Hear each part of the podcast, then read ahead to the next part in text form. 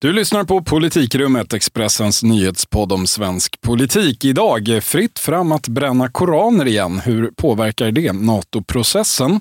Och eh, har nästan alla partier målat in sig i ett hörn om klimatmålen? Häng med!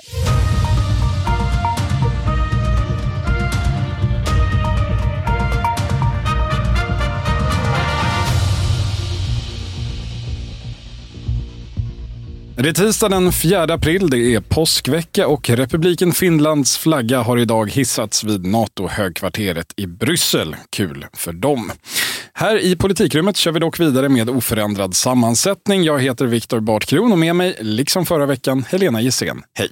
Hej! Ja, vi kämpar på här, men det är inte så illa. Nej, verkligen inte. Men för att återvända till Bryssel. Sveriges flagga har däremot inte hissats vid NATO-högkvarteret idag. Det hade ingen väntat sig heller. Eh, för det saknas ju fortfarande ratifikationer från två av de nu 31 medlemsstaterna tre om vi räknar Finland, men just det ska väl ändå gå lite smidigare kanske. När det gäller Ungern och Turkiet så är det som bekant desto trögare och en nyhet idag, tisdag, ger skäl att tro att det faktiskt kan gå ännu trögare framöver. Särskilt i fallet Turkiet. Helena, berätta. Ja, just precis idag då, tisdag, när Natos alla utrikesministrar samlas i högkvarteret i Bryssel för att välkomna Finland in i Nato, medan Sverige och Tobias Billström står bredvid och tittar på med hängande huvud kan jag tänka mig, så mm. kommer då ett svidande besked från förvaltningsrätten i Stockholm. Nämligen, det var fel av polisen att neka tillstånd till koran koranbränningar. En utanför Turkiets ambassad, en utanför Iraks ambassad i februari. Polisens utvidgade tolkning av ordningslagen, extensiva tolkning som de kallade det, där man angav risken för attentatshot eh, mot Sverige och eh, mot svenska intressen utomlands som skäl till att avslå tillståndsansökningarna. Det höll inte i domstol helt enkelt. Nej, och jag läser då ur domstolens pressmeddelande som kom idag. Eh, den hotbild som redovisats och som har legat till grund för Polismyndighetens beslut att neka tillstånden är inte tillräckligt konkret och kopplad till den aktuella sammankomsten. Polismyndigheten har därför inte haft tillräckligt stöd för sina beslut, säger Eva-Lotta Hedin, lagman. Och man kan naturligtvis fundera över vad Tobias Billström tycker om att få det här beskedet precis före NATO-mötet, som ju inte saknade eh, liksom besvärlighet för Sverige redan innan. Ja, det är ju jättedålig timing för Sverige och för den svenska NATO-staben. Jag tror att om Tobias Billströms folk hade fått bestämma så hade de nog bett domstolen tillkännage det här beskedet. Kanske till exempel på skärtorsdag klockan 16.45 eller någonting sånt. Ja, nu eh, Turkiet firar väl inte påsk på riktigt samma sätt som vi, men det hade väl ändå haft sin poäng att vänta eh, en liten stund kanske. Men nu är det som det är med självständiga domstolar som vi ju gärna eh, skryter med att vi har i Sverige och på goda grunder. Men ska vi backa bandet lite här? Alltså det handlar om två olika stoppade koranbränningar. Den ena skulle ju då vara utanför Turkiets ambassad, vilket en tidigare, eh, det hade varit en tidigare koranbränning där med mycket stort rabalder som följd. Och den här gången så var det kulturföreningen Apalarkerna tror jag de heter, som hade ansökt om tillstånd att få grilla en bok. ja, precis. De sökte alltså tillstånd för att elda en bok på en grill med måtten 33 x 27 x 19 centimeter. Och apalarkerna skulle även ta med en brandsläckare. Detta framgår då av deras mejlande till polisen och allt verkade faktiskt gå som på räls. Men plötsligt så började polisen fråga vad det var för bok som skulle eldas och sen tog det stopp då. Mm. Och kulturföreningen Apalarkernas syfte var väl för övrigt just att stoppa det svenska NATO-medlemskapet. De hörde när den eh, turkiska presidenten Erdogan sa att det inte blir något svenskt medlemskap i NATO så länge Sverige tillåter koranbränningar. Och så ville de passa på att eh, eh, ja, flika in i den debatten, eller hur man ska säga. Exakt. Det här är ju ingenting de har hymlat med, utan ordföranden har sagt Eh, jag tror det var till tidningen Syra, att det är synd att han måste göra sig ovän med muslimerna för han har inget emot vare sig dem eller deras religion. Men detta är helt enkelt det enda sättet att stoppa svenskt NATO-medlemskap, har han sagt. Och sen har han påstått i någon intervju att nej, men de skulle egentligen aldrig ha tänt på utan de skulle bara överlämna Koranen till, till ambassaden då med en uppmaning om att fortsätta vägra svenskt NATO-medlemskap. Så att den här grillen och eh, brandsläckaren och det där, det, det, skulle så att säga hjälpa dem att runda demokratin. För att eh, det finns ju faktiskt en väldigt stor majoritet i riksdagen för ett NATO-medlemskap. Ja, man får säga att den här processen har satt eh, eh många krafter i rörelse, den ena märkligare än den andra. Den andra andra ansökan som stoppades, eh, den var inlämnad av en privatperson, en irakier, eh, och han ville bränna Koranen utanför den irakiska ambassaden. Eh, då mer som en protest mot islam och Koranen som han då starkt ogillar. Ja, exakt. Och nu är ju då frågan vad som händer. Det här handlar ju inte längre bara om yttrandefrihetens gränser och vrede bland muslimer, utan hela den här saken påverkar ju också faktiskt nu då svensk nationell säkerhet och vår strävan att bli medlemmar. Nu på sistone så har ju även Ungern hackat på Sverige för att vi tillåter koranbränningar. De skrev ju på sin regerings hemsida någonting i stil med att Sverige låtsas vara moraliskt överlägset genom att tillåta koranbränningar i skydd av yttrandefrihet. Men i själva verket så är det här bara ren rasism. Och eh, efter det här beskedet då från förvaltningsrätten så vill man ju gärna höra vad Ungern och Turkiet tycker och tänker idag faktiskt. Ja, men det är ändå värt att stanna upp här lite. Alltså, i, på det teoretiska planet så är ju det här du just sa en rätt besvärlig tankenöt för, vi tänker oss Sverigedemokratiskt lagda personer som gillar både koranbränningar och eh, Ungern som politisk förebild. Eh, här blir det lite eh, korseld i huvudet. Ska man inte ens få kritisera islam längre i det där jävla eh, Orbanska PK-landet? Eh, men det är alltså i teorin. I, I, praktiken, i verkligheten, så blir ju det här förstås en huvudverk främst för eh, svenska NATO-vänner med utrikesminister Tobias Billström i spetsen. Ja precis, han lär ju hoppas på ett omedelbart överklagande nu då eh, av det här, eh, de här domarna och att prövningen drar ut riktigt länge på tiden. Jättegärna tror jag till efter den 12 juli kan man ju tänka sig, mm. för då är det ju tänkt att, att eh, även Sverige ska gå med i Nato. Vi ska vara medlemmar då. Han antydde i en intervju som jag gjorde för några veckor sedan att han räknade med ett överklagande. Eh, och sen ville han inte riktigt svara faktiskt på huruvida regeringen hade bett polisen att neka de här tillstånden. Fast jag frågade säkert fyra gånger. Men han sa bara att mm, regeringen är tydlig i myndighetsstyrningen med att det alltid finns anledning att beakta olika aspekter. Det låter väldigt Tobias Billströmskt eh, som citat och är ju ganska intressant i det här sammanhanget. Hur, hur tolkar du det? Ja, alltså jag frågade också hur man skulle tolka det där och då sa han ja, men som att säkerhetsfrågor är viktiga för den här regeringen. Jag tror faktiskt att man får vänta till tills någon inblandad kommer ut med sina memoarer innan man får veta hur det här egentligen har gått till faktiskt, den här tillståndsprövningen. Typ polisens kommenderingschef Susanne Wikland eller Billström själv kanske. Eller eh, NATO-förhandlaren Oskar Stenström kanske. Mm. Ja, regeringen skulle säkert gärna se att polisen eh, fortsätter att eh, stoppa koranbränningar medan rättsprocessen har sin gång, eller vad man nu skulle eh, formulera det som. Vet vi något om hur det blir med det, vad polisen Eh, ser framför sig på ja, kort sikt? men vi har ju frågat polisen nu då och då säger de att de tänker fortsätta att neka tillstånd tills den här domen vinner laga kraft. Mm -hmm. Om de inte bestämmer sig själva för att överklaga eh, domen då. Och det ska de fundera på i ja, ett antal dagar till i alla fall. Så inga nya koranbränningar de närmaste tre veckorna i alla fall sanktionerade från svensk ordningsmakt? Nej, precis. Och den här privatpersonen då från Irak som ville bränna en koran utanför Iraks ambassad, han skriver i ett sms till mig idag, jag har ju rapporterat lite om den här historien, att han är väldigt nöjd med domstolens beslut. Han anser att det här var en svart punkt i polisens historia och han tänker försvara de svenska lagarna med all sin förmåga, skriver han. Men han kommer förmodligen att vara artig nog att vänta tills Sverige är med i Nato innan han ansöker om att få göra en ny koranbränning. Förlåt att jag skrattar i detta allvarliga läge, men det är som sagt den här eh, processen har satt igång många krafter och den ena, som sagt, eh, märkligare än den andra. Här har vi då en patriotisk eh, religionsprovokatör. Eh, det var ju trevligt av honom. En pikant detalj i sammanhanget, eh, vi får se, det kanske inte är en detalj, det kanske är större än så, mm. men det är att fem personer har gripits för planer på terroristbrott, eh, fick vi veta nyligen, och att det eh, sätts då i samband med den ökade hotbilden mot Sverige efter eh, Rasmus Paludans koranbränning i januari, som ju var upptakten till eh, att det här blev eh, att polisen gjorde som man gjorde. Precis, just det. Alltså på tal om timing. Det är ju verkligen en händelse som ser ut som en tanke att just när polisen får bakläxa för sin tolkning av ordningslagen så går de ut med en information som innebär att deras tolkning ändå faktiskt var rimlig så att säga.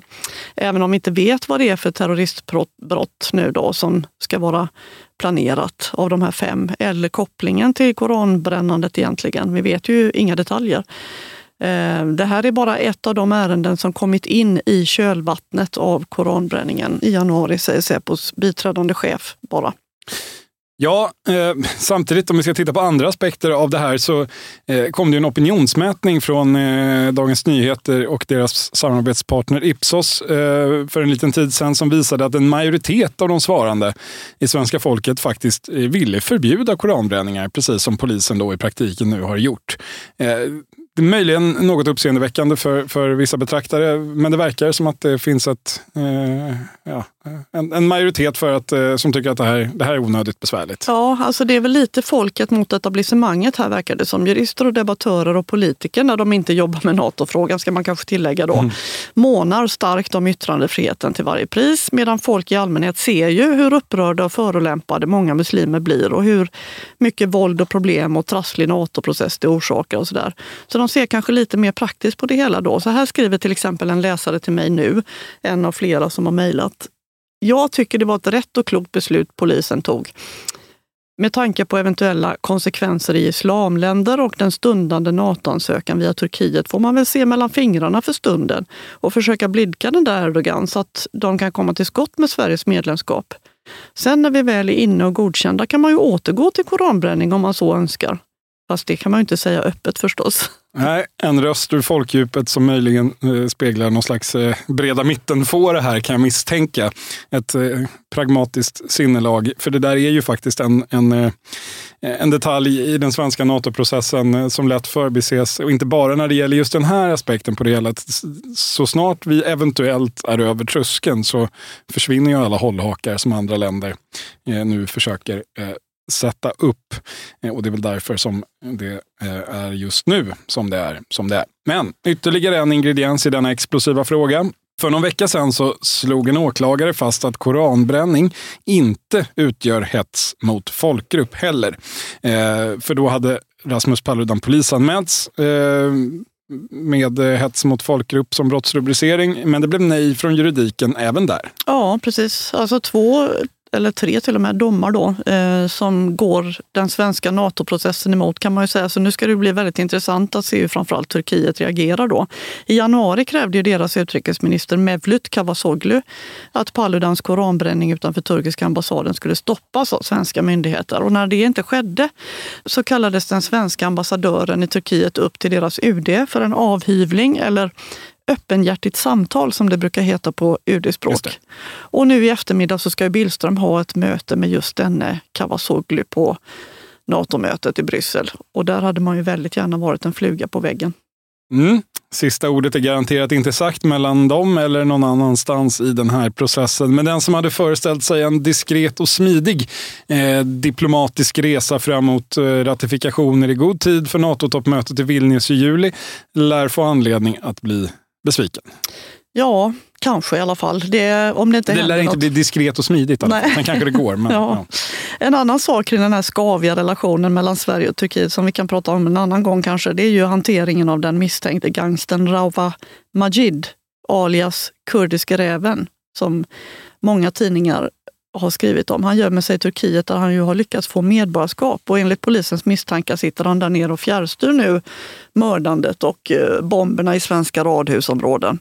Och eh, svenska åklagare vågar inte riktigt be Turkiet om hjälp enligt vissa uppgifter just för att det kan störa NATO-processen.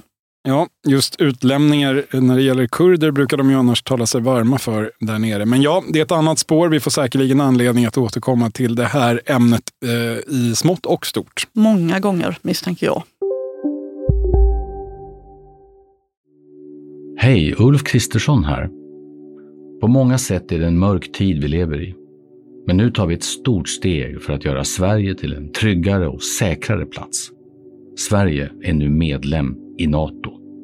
En för alla, alla för en. Har du också valt att bli egen? Då är det viktigt att skaffa en bra företagsförsäkring. Hos oss är alla småföretag stora och inga frågor för små. Swedeas företagsförsäkring är anpassad för mindre företag och täcker även sånt som din hemförsäkring inte täcker. Gå in på swedea.se företag och jämför själv.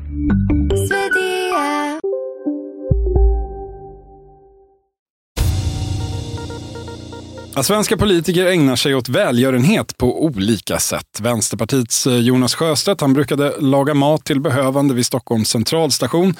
Eh, de borgerliga partierna har sett till att göra gåvor avdragsgilla och Magdalena Andersson har hållit presskonferens med Muharrem Demirok. Det där var ju lite elakt sagt måste jag säga, men eh, kanske inte helt fel. Nej, men det vill jag nog mena. Alltså, Socialdemokraterna har ju nästan 40 procent i opinionsmätningarna och Centerpartiet runt 4 riktning nedåt. Magdalena Andersson har 60 procent i förtroendesiffror medan Muharrem Demiroks första förtroendesiffror får Miljöpartiets språkrör att framstå som landsföräldrar. Eh, och det är ingen liten prestation om man säger så. Eh, och det är ju sammanfattningsvis inte så att Socialdemokraterna direkt behöver Centerpartiets draghjälp eh, för att nå ut med sitt budskap just nu. Nej, å andra sidan har ju Socialdemokraterna ett intresse av att knyta Centerpartiet till sig och kanske också att hjälpa Centern att förbättra sina siffror lite så att det inte ska bli internt uppror och att Centern rätt som det börjar söka sig bort från S. I DI häromdagen, Dagens Industri, då, så sa Demirok att han ska bjuda in Jimmy Åkesson på fikaträff i närtid och han öppnade även i den här intervjun för ny kärnkraft. Men alltså jag håller med dig, det är ju inte mycket som talar för att C skulle lämna S. Nej, så är det förstås. Men vi, vi kan ändå kalla det för en socialdemokratisk välgörenhet med strategisk avdragsrätt eller något. Men Eh, därmed till vad det gemensamma måndagsutspelet handlade om, nämligen de svenska klimatmålen. Just det. Andersson och Demirok de var ju väldigt kritiska till att regeringen enligt dem helt saknar en politik för att nå de svenska klimatmålen för både 2030 och 2045. Alltså de klimatmålen som antogs av alla partier utom Sverigedemokraterna så sent som 2017 och som regeringen fortfarande säger att man står bakom. S och C kräver nu att regeringen snarast kommer till riksdagen och förklarar hur det här ska gå till. Då. Ja, och bakgrunden här är eh, Klimatpolitiska rådets rapport, årliga rapport från i förra veckan. Eh, och den var ju skarpt kritisk och betonade att Sverige för första gången på två decennier har en politik som ökar eh, utsläppen av växthusgaser, inte minskar dem. Och man konstaterar då att med nuvarande riktning så kommer de svenska klimatmålen inte att nås. Man ska ju säga då att Klimatpolitiska rådet har ju varit kritiska även under den tidigare regeringen regeringen och påpekat att det går för långsamt i relation till målen. Men det nya här är ju alltså att själva riktningen är fel. Ja, eh, och det det handlar om eh, framför andra saker är den så kallade reduktionsplikten som envisas med att återkomma i debatten. Alltså kraven på att blanda i biobränslen i bensin och diesel lite mer för varje år. Eh, och den har regeringen slagit fast att man ska sänka. Exakt hur mycket, det förhandlar man om just nu. Sverigedemokraterna anser att den bör avskaffas helt. Och det här vill man göra för att få ner ner de skenande priserna på drivmedel. Enligt vissa uppskattningar skulle det handla om en 4-5 kronor eh, per liter. Och eh, det är också så att om man inte gör någonting åt reduktionsplikten så kommer det att bli dyrare och dyrare för varje år. Men Kruxet är då att den här reduktionsplikten råkar dessutom vara helt central för att Sverige ska få ner de fossila utsläppen i transportsektorn på det sätt som vi har föresatt oss. Ska man inte ha reduktionsplikt så måste man ha något annat eh, radikalt och av det så ser varken Klimatpolitiska rådet eller någon annan eh, någon skymt direkt. Nej, och det här är ju också en väldigt tydlig konflikt i regeringsunderlaget. Sverigedemokraterna står ju inte ens bakom klimatmålen och tycker att det var ett misstag att inrätta det här klimatpolitiska rådet medan övriga regeringen säger sig stå bakom målen. Och särskilt Liberalerna vill ju gärna profilera sig som ett grönt parti. Då. Inte konstigt att oppositionen gärna vill sätta ljus på den här konflikten. Nej, Det är det ju inte. Och i sak är det ju också en rimlig och eh, grundad kritik som oppositionen kommer med här. Mm. Inget tyder på att det finns någon plan, sa Muharrem Demirok om regeringen och det är faktiskt svårt att säga emot. Eh, alltså när regeringen i höstas presenterade sitt tidavtal och sin första budget, ja, då kom liknande kritik om att den politik som man då presenterade skulle leda just till ökade utsläpp och till missade klimatmål. Och klimatminister Domina Pourmokhtari från Liberalerna hon försvarade sig då med att ja, regeringen minsann ska ta fram en ny och mer effektiv klimatpolitik under nästa år. Eh, och nu är det nästa år, ett drygt kvartal in på nästa år och eh, klimatministern säger i grunden samma sak. Alltså klimatmålen ligger fast och snart kommer den här nya eh, magiska politiken där innehållet än så länge är höljt i dunkel. Alltså året är inte slut men det börjar bli lite parodiskt nästan. Jag tycker man får ge att hon är ovanligt skicklig på att formulera de här icke-svaren som hon upprepar gång på gång. Hon är till synes alltid helt obesvärad. Optimismen och det goda humöret kan ingen klaga på. Eh, en del andra invändningar eh, finns däremot. Men eh, det ska också sägas att regeringen är inte helt ensamma om att åla sig lite runt just den här frågan. Nej, när journalisterna på presskonferensen i måndags då undrade vad Socialdemokraterna och Centern själva ansåg att man borde göra så var det ju inte särskilt mycket konkret i svar. Magdalena Andersson viftade ju undan frågan. Hon menade att Socialdemokraterna ska ta ställning till regeringens förslag när det finns. Och eh, hon pratade om att man behövde se beräkningarna från regeringskansliets tjänstemän och så vidare. Ja, det är mycket praktiskt. Ja, verkligen. Så att jag tycker hela den här debatten känns faktiskt lite yrvaken dessutom. Det var ju nyss val, men då diskuterades ju den här frågan på ett helt annat sätt, måste man säga. Ja, det måste man ju. För i valrörelsen så var ju de flesta överens om att det var på tok för dyrt att tanka, eh, inte för billigt. Eh, och före valet så hann eh, den socialdemokratiska regeringen eh, både pausa just reduktionsplikten och sänka skatten på drivmedel. Och man la, man la också förslag om ett särskilt eh, bidrag till alla bilägare för att kompensera för ökade bränslekostnader. Och, eh, det. där, den där tusenlappen, eller fem, det var 1500 kronor, lite beroende på var man bodde i landet. Eh, det föll i riksdagen, men ja, det, det, som du säger, diskussionen gick åt ett lite annat håll. Ja, det lät lite annorlunda då, verkligen. Det var ju inget av huvudalternativen som gick till val på att det skulle bli betydligt dyrare med bensin och diesel i alla fall direkt. Nej, eh, och de gick faktiskt inte heller till val på kraftigt höjda trängselskatter eller sänkta hastigheter på vägarna heller, som klimatminister Pourmokhtari satt och spånade om i söndagens Agenda som tänkbara alternativ om man då inte har reduktionsplikt. Alltså det blir lite märkligt allt det här. Det är ändå eh, sex år sedan klimatmålen antogs och man kunde tänka sig att alla partier som står bakom dem har haft ganska gott om tid att fundera på hur just de anser att Sverige eh, faktiskt ska nå.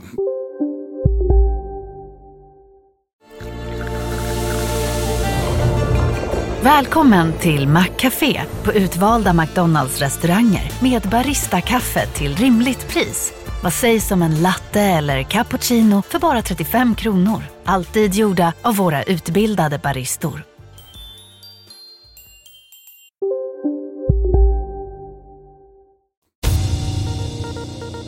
Lite grann är ju känslan att både regeringen och oppositionen har målat in sig ett hörn här.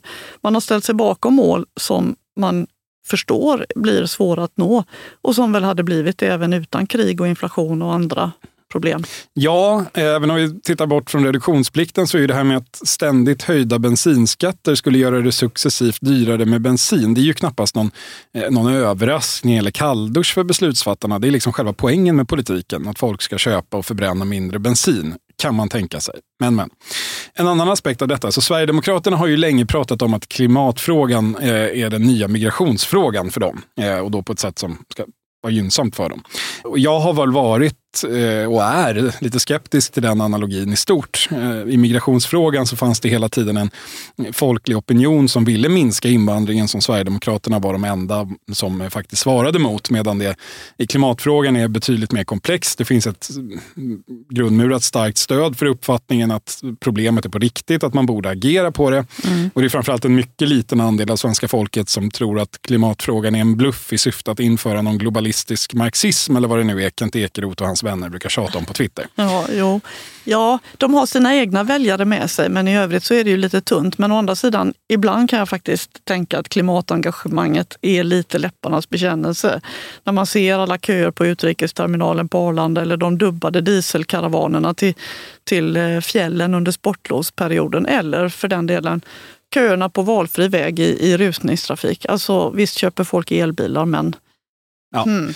Kanske det. Och jag får också medge att det, åtminstone i det lilla börjar man kunna skymta vissa paralleller ändå mellan migrationsdebatten och det som pågår runt klimatfrågan.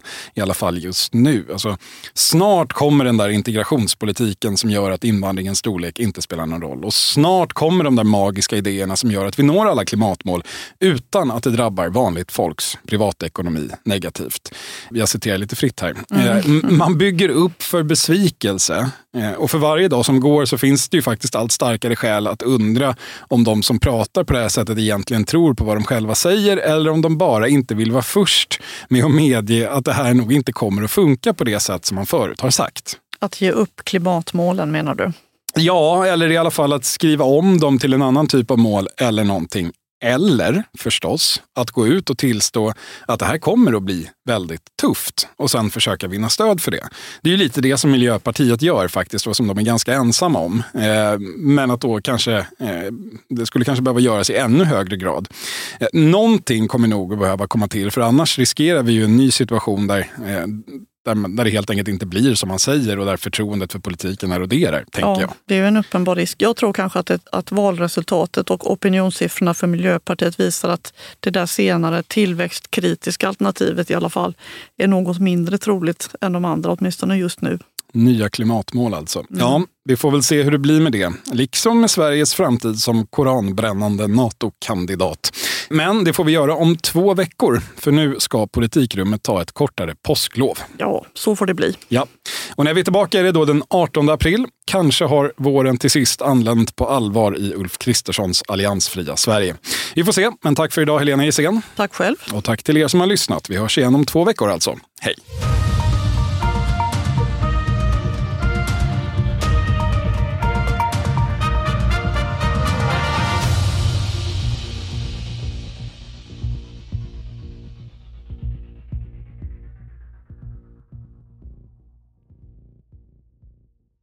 Du har lyssnat på en podcast från Expressen. Ansvarig utgivare Klas Granström